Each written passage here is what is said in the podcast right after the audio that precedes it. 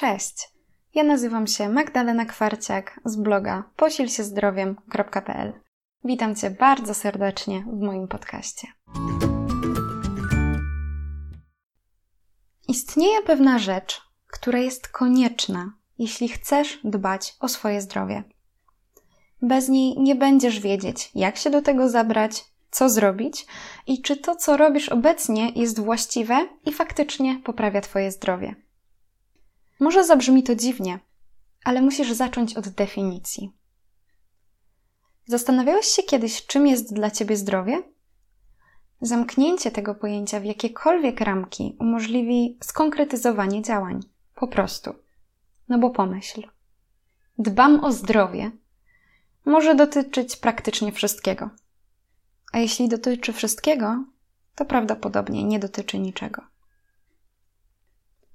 Kiedy pytałam Was na grupie, w wiadomościach czy w komentarzach, pojawiały się różne odpowiedzi. Bardzo często pojawiało się, że zdrowie to najważniejszy aspekt w życiu.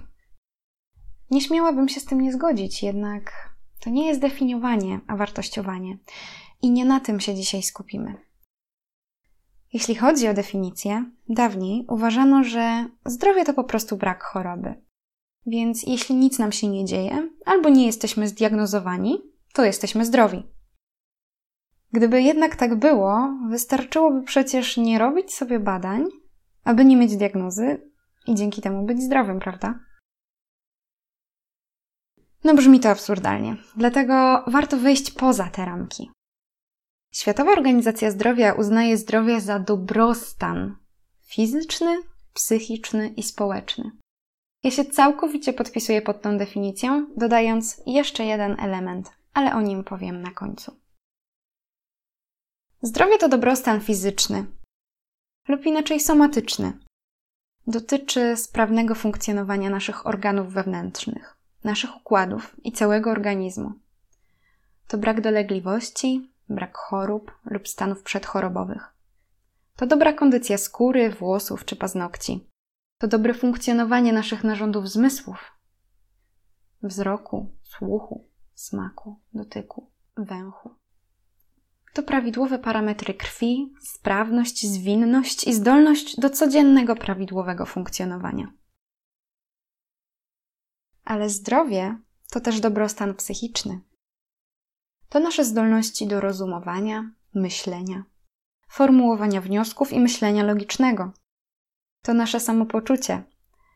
To, że potrafimy doceniać to, co mamy, Potrafimy być wdzięczni. Potrafimy rozpoznawać swoje emocje. To również umiejętność radzenia sobie ze stresem, napięciem, lękiem, agresją czy depresją. To wykształcenie odpowiednich strategii, które pozwalają nam mieć kontrolę i potrafić czasem tę kontrolę oddać. I wiedzieć, kiedy czasem trzeba po prostu odpuścić. Zdrowie to również dobrostan społeczny. To umiejętność otworzenia się na drugiego człowieka, skierowania tam swojej uwagi, umiejętność słuchania i komunikacji, zdrowego rozwiązywania konfliktów i asertywności. To budowanie zdrowych relacji i unikanie tych toksycznych.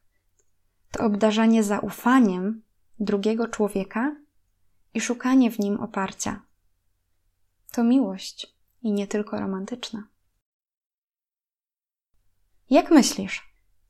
Dbasz o wszystkie sfery zdrowia? Czy do tej pory skupiałeś się tylko na niektórych? Jedząc zdrowo, robiąc regularnie badania, robisz krok w jego kierunku. Ale bez trenowania umiejętności społecznych czy innych strategii radzenia sobie ze stresem, wciąż może ci czegoś brakować.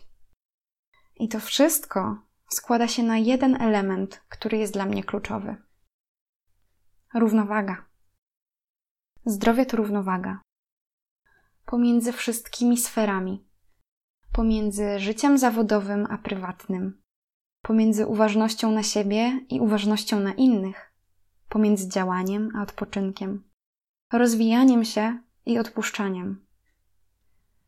Przesadzanie w żadną stronę nie jest dobre, a odnalezienie złotego środka kieruje cię właśnie w ten przepiękny dobrostan. Być może taką równowagę pomogą Ci osiągnąć praktyki duchowe czy religijne, a może po prostu Twój zbiór przekonań i zachowań za nimi idących. Grunt, abyś znalazł swoją drogę i na nią wszedł. I z jednym pytaniem chciałabym Cię dzisiaj zostawić. Na czym potrzebujesz skupić się najpierw?